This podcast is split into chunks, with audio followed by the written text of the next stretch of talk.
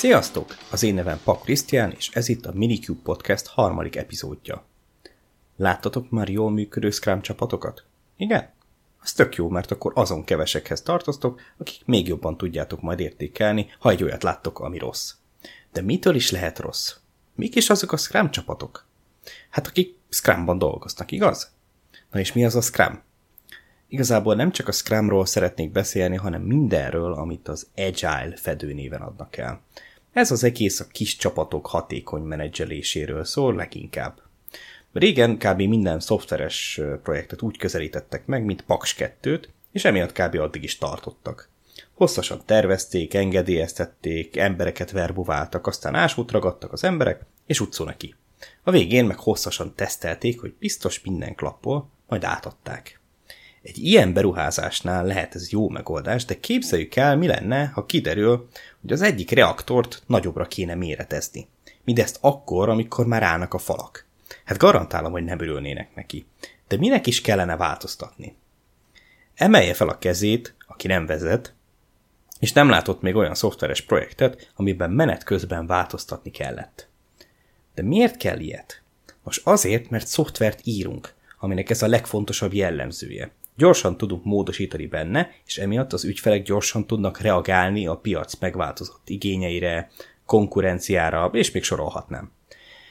Erre jött az ötlet, hogy akkor kis iterációkat csinálunk, amikben gyorsan tudunk reagálni a változásokra, ne dokumentáljunk feleslegesen, hanem inkább működő szoftvert adjunk át, ami működés tesztekkel igazolt, kommunikáljunk egy csapatként, de nem akarom ide idézni a komplett Agile manifestót, akit érdekel, az járjon utána.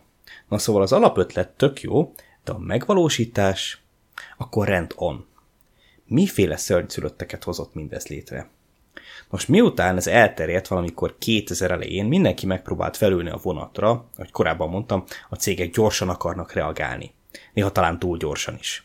Emiatt lett igény mindenféle agile coachokra, Scrum Master gyors talpalókra és a többi. Gondolhatjuk, hogy mennyire is jól megy ez az egész. De mivel van nekem már megint bajom? Kezdjük az egyik kedvencemmel. A tesztek vagy épp a tesztelés hiánya.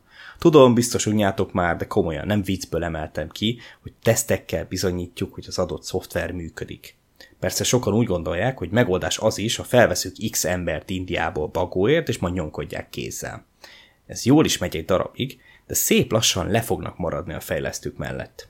Miért is van ez? Mert a kód és a funkcionalitás csak bővül, emiatt a tesztelendő esetek száma is.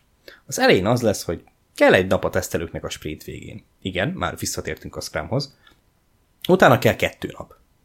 Egy pillanatra nem nézünk oda, és a sprintek fele elmegy tesztelésre. Persze ez csak akkor van, ha minden sprintben akarunk egyszer release amivel el is jutottunk a mini waterfallhoz. Hangsúlyoznám, hogy a Scrum az nem mini waterfall. Persze simán lehet az is, hogy a csapat úgy dönt, hogy nem is olyan fontos sprintenként release elég ritkábban is. Itt mentünk át végképp Waterfallba. Mi fog itt történni? A tesztelők csinálnak, amit csinálnak, jó esetben automatizálnak, aztán, amikor eljön a release ideje, lehúzzák a rolót, és nekiállnak végignyomkodni mindent, mert az automatizált tesztek nincsenek még kész. A kész is vannak, nem bízunk bennük, és így tovább. Mi lesz akkor, ha találunk egy problémát éles környezetben? Ki kéne javítani, mert ügyfelektől esünk el, nem? Mindenki eldobja a vakulókanalat, és elkezd rajta dolgozni. Na de várunk ezzel is a sprint végéig?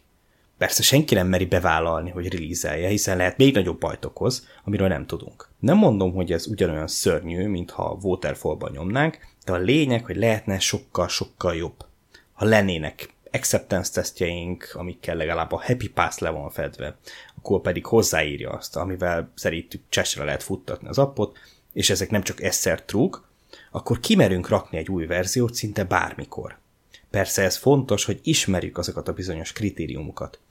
Na de akkor mit fog így a tesztelőgárda csinálni? Előre dolgozik. Már akik maradnak, mert így a munkamennyisége nem fog lineárisan nőni, tehát kisebb létszám is elég lesz.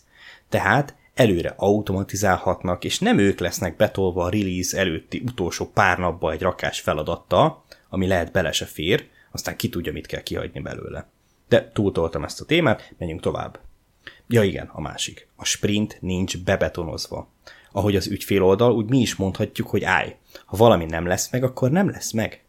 Nem szabad amiatt túlórázni, hogy minden meglegyen. A sprint egyik alternatív célja, hogy adatot szolgáltasson a sebességünkről. Ha túlórázunk, hogy valami beleférjen, semmi más nem lesz, mint hamis adatokat szolgáltatunk a product oldalnak, ami miatt később még több feladat fér be a sprintbe a Velocity mentén, és még többet kell túlórázni.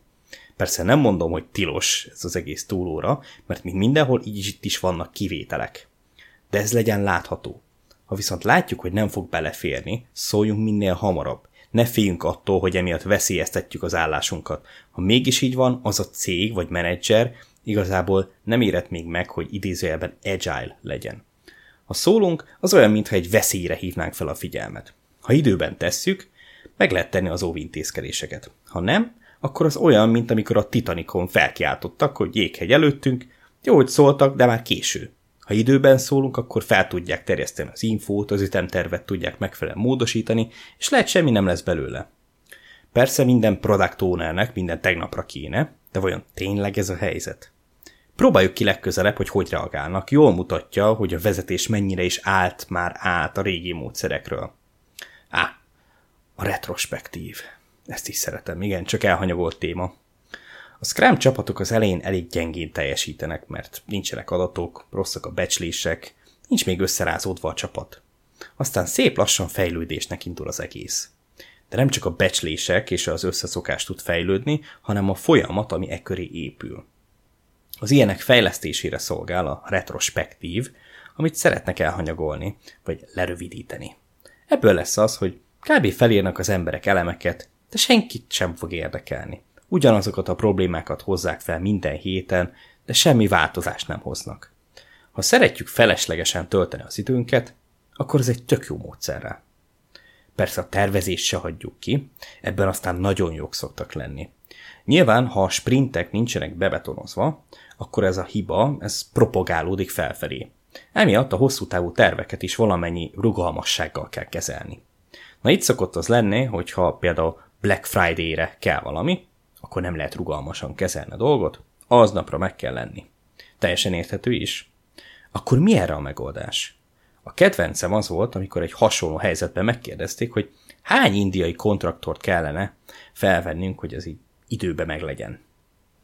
Minden projektmenedzser első gondolata az, hogy plusz erőforrással bármit meg lehet oldani. A gond az, hogy ez nem így van, legfőképp rövid távon nem. Nyilván be kell őket tanítani. Ráadásul lehet nem csak mm, nekem volt ilyen szerencsém eddig, de kódminőségük hagy némi kívánnivalót maga után, de ez egy másik téma. Na de megkérdezem megint, akkor mi lehet a megoldás? A minőség rovására menjen a dolog? Nem, nem, ezt már megbeszéltük, hogy amit például a teszteket stb. elhagyunk, elindulunk a lejtőn. Akkor bizony a scope kell vágni. Meg kell értetni az ügyféllel, hogy az, amit ő akar, ebben a formában nem fog beleférni az időbe, tehát valamit vágni kell belőle. Üljünk le, és nézzük, hogy mi az, amit ki lehet hagyni. Persze az ügyfél nem enged, túlórák lesznek, rossz lesz a kód, ezzel pedig senki sem jár jól. Na, de ennyi volt a rend mára, ez volt a Minicube Podcast, találkozunk legközelebb.